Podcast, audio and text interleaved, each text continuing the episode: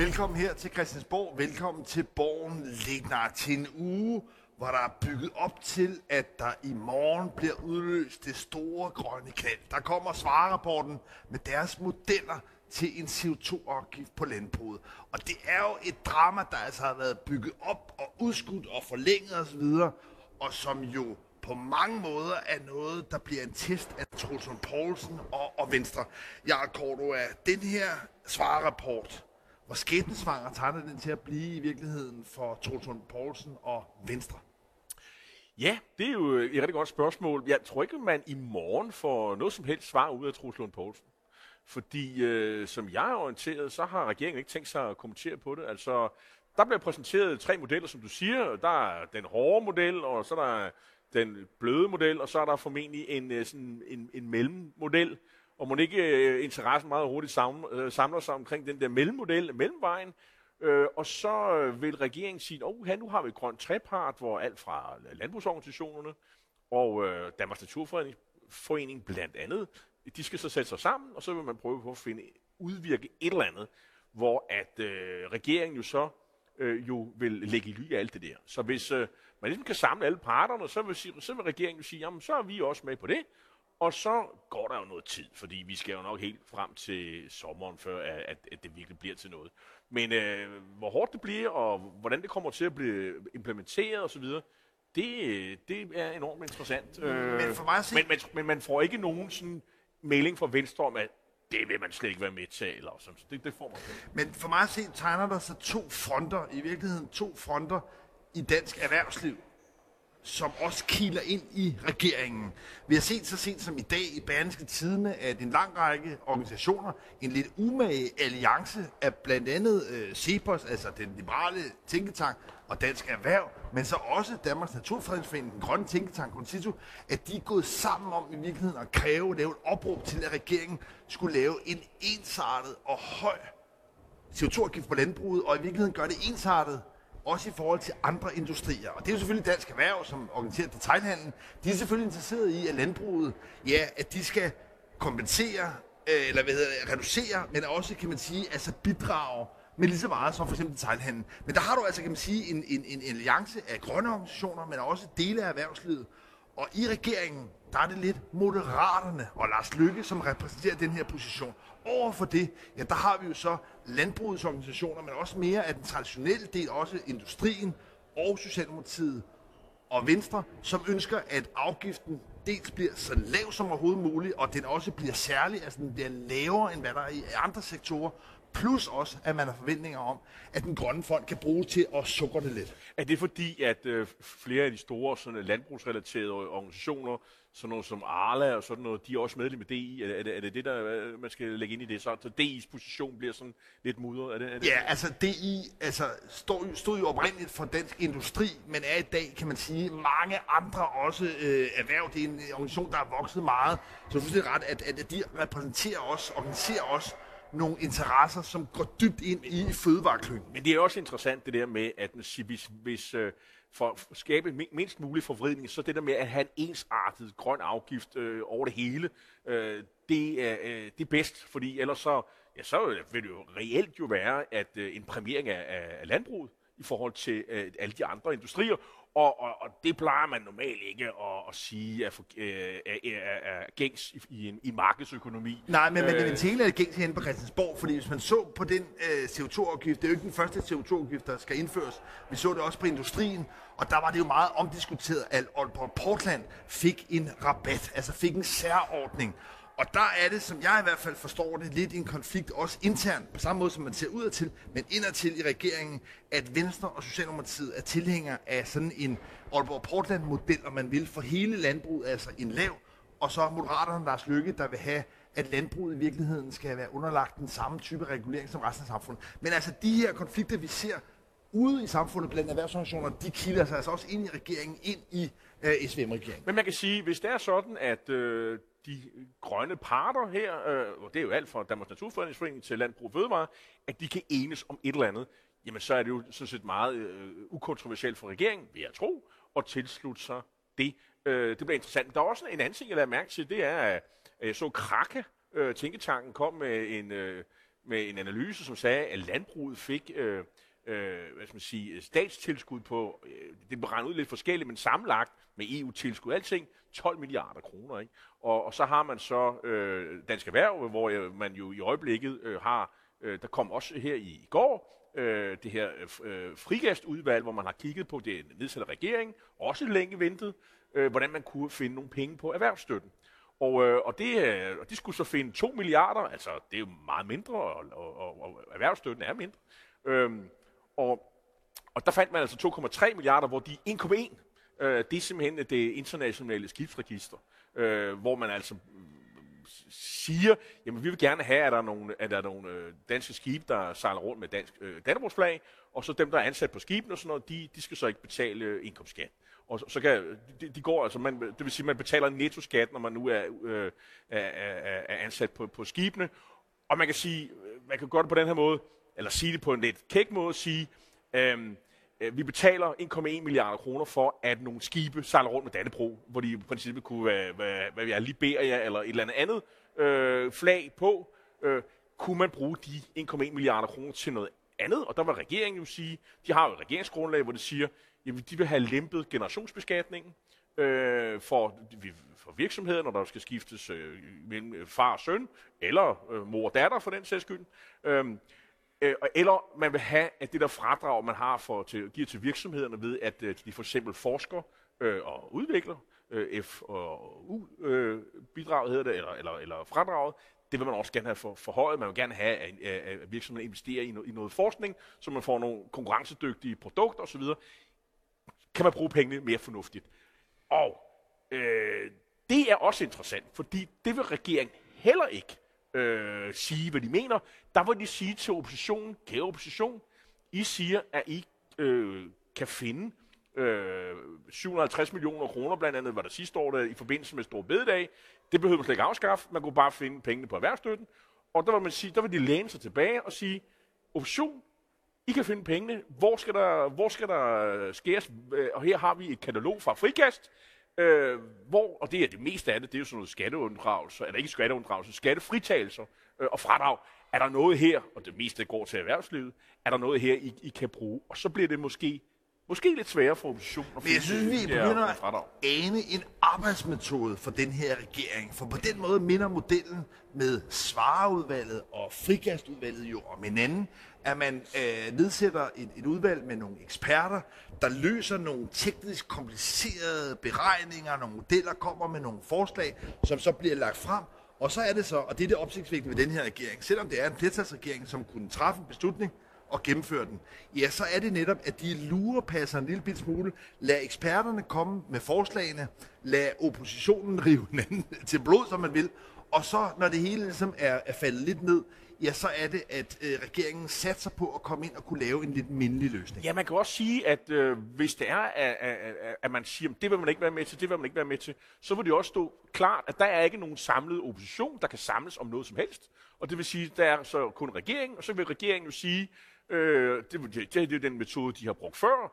Det har været hos, forsøg, hos øh, finansministeren eller erhvervsministeren, er det måske i det her tilfælde, hvor man siger, man går ind ad døren, okay, hvad, hvad vil være med til? og så vil man notere, det vil de være med til, det vil de ikke være med til. Okay, er der nogen her, øh, som øh, vil være med til noget som helst? Og dem, som har malet, malet sig op i hjørne, de må så bare sige farvel og tak, og så vil regeringen kunne sige, der er ikke noget alternativ øh, end, end det, som vi øh, kører med her, og så de og de, de partier vil være med. Men altså, man kan kalde den her model lidt lurepassende, nogen vil sige fejl. Man kan også bare konstatere, at det er sådan, man kan vælge at føre politik, når man har sit eget flertal. Men det er jo sådan set relativt stabilt, selvom vi har drama så går det ganske godt for dansk økonomi, som er blevet opjusteret. Men ikke desto mindre, selvom vi altså har en regering, som formår at køre butikken, så begynder der muren i krogen og allerede nu være spekulationer om andre regeringskonstellationer. Og noget, der var opsigtsvækkende her forleden dag, faktisk på Valentinsdag, der var Pia Olsen Dyr, SS formand, som her i dag holder stor reception i anledning af, at hun har været formand for Socialistisk Folkeparti nu i 10 år. Der var hun ude på Valentinsdag med noget, der godt kunne lyde lidt som et frieri til Lars Løkke. Ja, det var vel et frieri. Ja, ja, men ikke sådan i, og hun kunne godt, i det forstand. Hun, hun, hun vil ikke afvise at sidde regering med, øh, med, med, med Lars Løkke Rasmussen. Og det er jo altså et, et ret stort sving, en ret stor omvæltning, der er sket for SF. Altså ikke alene er det lykkedes for Pia Olsen Dyr at genrejse et parti, som var fuldstændig til rotterne, altså for 10 år siden, da de halehæng blev trukket ud af, af, af Helle thorning regering. Men har jo også ført en politik i virkeligheden som de sådan ægte, sande socialdemokrater, hvor hun jo, Pia Olsen Dyr, i rigtig, rigtig mange valgkampe og debatter har virkeligheden været i meget skarp opposition til Lars Løkke, særligt dengang han var Venstres øh, formand. Så det, at man nu er endt et sted, hvor Per Olsen Dyr faktisk åbner for, at SF kan gå i regering med Lars Løkke, det er altså for mig at et udtryk for, at det opbrud, vi så ved sidste valg, det fortsætter. Jeg, jeg ser det som, at øh, Pia Olsen Dyr ligesom forbereder sine egne vælgere på, at det at komme i regering, det er et mål. Øh, og det betyder, at man skal også være sådan øh, rimelig øh, øh, disciplineret. Øh, man kan ikke melde og mene hvad som helst. Og, og, og man skal også på et tidspunkt gå, gå på kompromis. Øh, I hvert fald, hvis man skal i regering med, med Lars Løkke Rasmussen. Øh, og det blev også lidt helt. Det er jo ikke et frieri, som øh, alle i, i Moderaterne tog ned.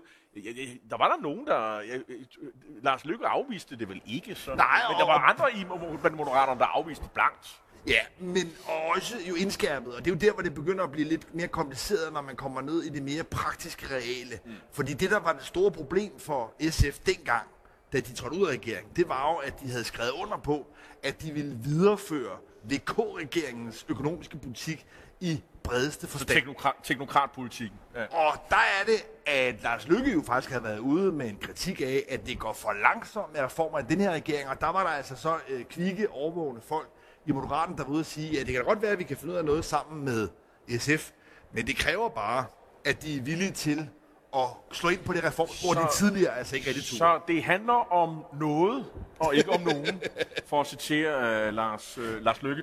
Og, og, og men, det... jeg, men jeg synes dog, at det opbrud, vi ser her, hvor Lars Lykke altså er ude som en af de første, han var på mange måder altså strategen, øh, arkitekten bag ideen om en midterregering. Det var ham, der ligesom, kan man sige, fødte tanken om den midterregering, vi har nu. Han er også i en række interview været den, synes jeg, der har været ude og måske betvivle øh, slidstyrken i det. I hvert fald kan man sige, og det er jo ikke, altså det er klart, at når, når P. Olsen Dyr så kvitterer ved at sige, at hun kunne gå i regering, og der skal man huske, det kunne altså godt være inde med, at det så var Lars Lykke, der igen blev statsminister. Så synes jeg selv, at vi ser, at der er nogle bevægelser på Christiansborg. Der er jo lang tid til valget, men det er lige et udtryk for, at den, øh, altså de vedbrudsdage, der ligesom var med regeringen, hvor vi i den første fase hørte meget fra de forskellige ministre om, hvor godt de havde det sammen. Så jeg synes, at man begynder at fornemme, at der er klare sprækker i den her regering. Jeg synes også, det her handler om, at uh, Pia Olsen Dyr er en, uh, en sådan realist, uh, en, en realistisk politiker, som jo godt ved, at der, hvor magten er, det er regeringskontorerne mere end nogen andre steder. Og nu er det snart også 10 år siden, hun var minister. Og, uh, og, og, og hvorfor er man i politik, Lars? Jeg tror, at de fleste af dem er for at flytte noget. Og hvis hun, uh, efter at have siddet i 10 år som formand, uh, skal ind igen og bestemme noget som minister, jamen så er tiden nu. Altså det, det kan ikke vente 5 og 10 år. Det er nu chancen øh, byder sig efter næste valg. Og, øh, og derfor så tror jeg, at øh, det er rigtigt set. Øh, og, der, og der må så være nogle vælgere, som siger, det kan vi slet ikke øh, håndtere det der. Vi, vi, vi emigrerer til enhedslisten, som jo også øh, går frem i meningsmålinger. De ligger faktisk øh, ret pænt. Øh, sidste tjekket, så var der en, en måling her i går, øh, voksmeter 7,5 procent. Øh, og det kan sikkert blive til meget mere. Altså, øh, og det, det, det tager hun med det vigtige er nu at komme ind og igen gøre SF regeringsdueligt. Og kan det lade sig gøre? Jeg, jeg tror, det er klogt af hende øh, og, og, og, at gøre det. Et andet parti, Lars, som øh, jo også måske også står i et vadsted, øh, det er det konservative folkeparti. Altså, vi så jo her efteråret øh, af Søren Pape, øh, han jo øh, holdt øh, sin landsrådstale, det var meget familieværdierne og øh, nogen vil sige back to basics, øh, så tilbage til de grundlæggende konservative værdier, og, og, og nogen viskede rundt omkring, at det her det var nok sidste chance, og nu skulle han have øh, gang i båden her, og på det tidspunkt lå man omkring valgresultatet på de der 5,5 øh, procent. Og øh, nu er der gået snart halvt år, øh, og hvis man er flink ved de konservative, så ligger de nogenlunde samme sted, men man kan også godt se målinger. Der var en i går i voksmeter, på, hvor de var nede på 4 procent øh, point. Altså, det, der er jo så sket øh, inden for de sidste 14 dage, det er jo, at de har skiftet gruppeformand. Den tidligere gruppeformand, Maj øh, Mercado, trak sig ret pludseligt, øh, og der var en stol ledig, og pludselig øh, er det så øh, Mona Jul, som nogen har nævnt som mulig efterfølger. Øh, den danske udgave af Erna Solberg, er der nogen, der har kaldt hende. Øh, i, der, er den tidligere norske det, statsminister. Ja. Det, virker, det virker som om, at øh, der er ved at skabe sig en mulig øh, alliance bag hende, øh, og nu skal hun så være gruppeformand. Jeg synes, det står klart, at Søren Papes tid må være talt. Altså, det, hans dage er talte. Han kan jo også holde 10 års jubilæum til sommer. Eller hvad siger du? Ser du det her første skridt til, at Mona Jul måske øh, i løbet af det næste halvårs tid overtager i det konservative folkeparti? Ja, og jeg tror også, at Mona Jul på mange måder er det bedste bud, i hvert fald til at placere det konservative folkeparti i det politiske landskab, også i den blå familie. Og der er hendes plan jo meget klart at være det grønne parti. Altså, det er meget bemærkelsesværdigt, at Søren Pape i den senere tid er begyndt at komme med nogle meldinger, som lyder meget som øh, Mona Jules tanker. Og man skulle måske også nævne en anden, der står endnu længere tilbage, som ikke længere er aktiv i partipolitik. Det er den tidligere konservative profil, Connie Hedegaard. Det er på mange måder hendes opfattelse af det konservative, som Mona Jul også er repræsentant for. Og det er i virkeligheden den strømning, som altså på den måde ser ud til nu at, at, at vinde frem. Og det er jo i en situation, hvor Inger Støjberg ligesom har øh, nogle vælgere, øh, Alice Vandopslag tager nogle andre, ja, så er tanken for Mona Jul i virkeligheden, at konservativ igen kunne blive et mere bredtfagende, også familieparti, men med en grøn profil. Ja, og det er jo det her, altså de, her, de konservative har altid været stærkeste i byerne, og, øh, og jeg, jeg, jeg bilder mig ind, at øh, alt det her med det grønne og klima, det har måske større klang i byerne, men der er også den pris at betale, at så bliver man måske ikke så stor ude på landet, hvor en Søren Pape jo er valgt. Altså, han er valgt i Vestjylland. Han er landmandssøn. Og, øh, og der er landmænd, der er de, de store godsejere, de var jo oprindeligt konservative, og dem er der altså stadigvæk nogen af, og de fylder også lidt i det konservative folkeparti. Så jeg tænker bare, bliver man på et tidspunkt nødt til at tage det strategiske valg og sige, okay, vi vil være noget for grønne, klima, øh, interesserede øh, vælgere, der hovedsageligt bor i, i storbyerne, og så siger vi farvel til Vestjylland og Nordjylland og mange af de andre steder, hvor der også er, er vælgere, men ikke så mange, øh, som interesserer sig for det her. Dem må Venstre og Inger Støjberg slås om. Men for at binde en lille grøn sløjfe på ugen i dansk politik, så vil sige, at det slagsmål, der nu indledes fra i morgen, svarrapporten kommer om en CO2-afgift på landbruget, det vil på mange måder være en farvetest af det nye konservativ. For det er klart, at hvis det er Mona Jul, skråstreg Conny Hedegaard linjen, der vinder, ja, så vil man med garanti se konservativ som en del af ja, sådan en aftale. så må de vel ud og omfavne den hårde linje, og, og, og, og så er de så på dansk erhvervslinjen, eller er de så mere over i dansk industri? Det, ja, det synes jeg bliver interessant. Det, det er i hvert fald den lakmustest eller farvetest, øh. hvor vi omvendt kan se, at der vil være nok en del af de andre borgerlige partier, ikke mindst Danmarksdemokraterne, sådan mest øh, ikonisk, som vil øh, bruge det her, som, som vi jo ser resten af Europa. Vi ser rigtig mange europæiske lande, hvor hele spørgsmålet omkring klimaregulering virkelig er noget, der hisser senere op. Det vil Danmarksdemokraterne for bruge. Men der ser vi altså konservativt. Hvad er det for en ny farve, de øh, er ved at tage? Det, jeg synes også er interessant, det er, at, øh, at du skal nok heller ikke regne med, at Landbrug Fødevare faktisk øh, melder ud i morgen. Altså, de, de kommer heller ikke til at sige noget. Altså, Landbrug Fødevare vil sige, vi kigger på det i den grønne trepart, og det betyder, at der er mange, der vil øh, øh, sige så lidt som overhovedet muligt. Det vil sige, slagsmålet kommer ikke til at foregå, sådan er det i hvert fald lagt op til, i, øh, altså øh, ude i blandt kameraerne, blandt journalister. Det foregår inde i, i forhandlingslokalet. Det er det, armlægningen vil foregå. Øh, måske en øh, klog strategi i landbrug og fødevare. Hvad tænker du? Ja, men altså spørgsmålet her er jo, om det ligesom bliver den her mere sådan øh, old school-agtige form for politisk forhandling, hvor man sidder i gamle dage, hvor man ser det tror jeg ikke, man ryger så meget længere, øh, men inde i baglokalet og laver de her studehandler, hvor man klipper en hel og hakker en to, eller om det her er noget, der vil bluse op, som vi altså har set i mange andre europæiske lande, med gule veste, med protester, traktorer. Hvor, hvor de drejer nøglen på traktorerne og kører mod København. Og, og, og, og de ligesom i høj grad bliver en kulturkamp, som også foregår ude i det offentlige, fordi gør det det, Jeg, jeg ser ikke tegn på det. Det virker til, at der ligesom er øh, styr på bagsmækken, også i landbruget. Men hvis det her det er noget, der flammer op, så bliver det meget svært at nøjes med bare at sidde inde bagved. Jeg tror, at øh, vi skal regne med et øh, konsensus Danmark. Øh, det vil være min, mit bud. Og så vil der selvfølgelig være nogen der er udenfor, og så vil, og så vil Inger Støjberg jo stå udenfor og sige, det, kan, det er helt uansageligt, det vil vi ikke have noget med at gøre, og så vil hun jo løbe med dem, der er utilfredse. Jeg tror også, du er ret, at grundlæggende kommer det her til at være lidt teatertorden. Der er mange, der har en interesse i, ikke mindst Venstre, at bygge det her op til en stor drama, men må ikke det ender i en, øh, en mindelig løsning. Men nok først på den anden side af sommerferien, det kan trække lang tid ud det her. I første omgang, så holder vi skarpt øje med, hvad der kommer til at stå i den her rapport for Svarudvalget, hvordan partierne reagerer, og vi er tilbage igen næste tirsdag. Tusind tak, fordi du så med.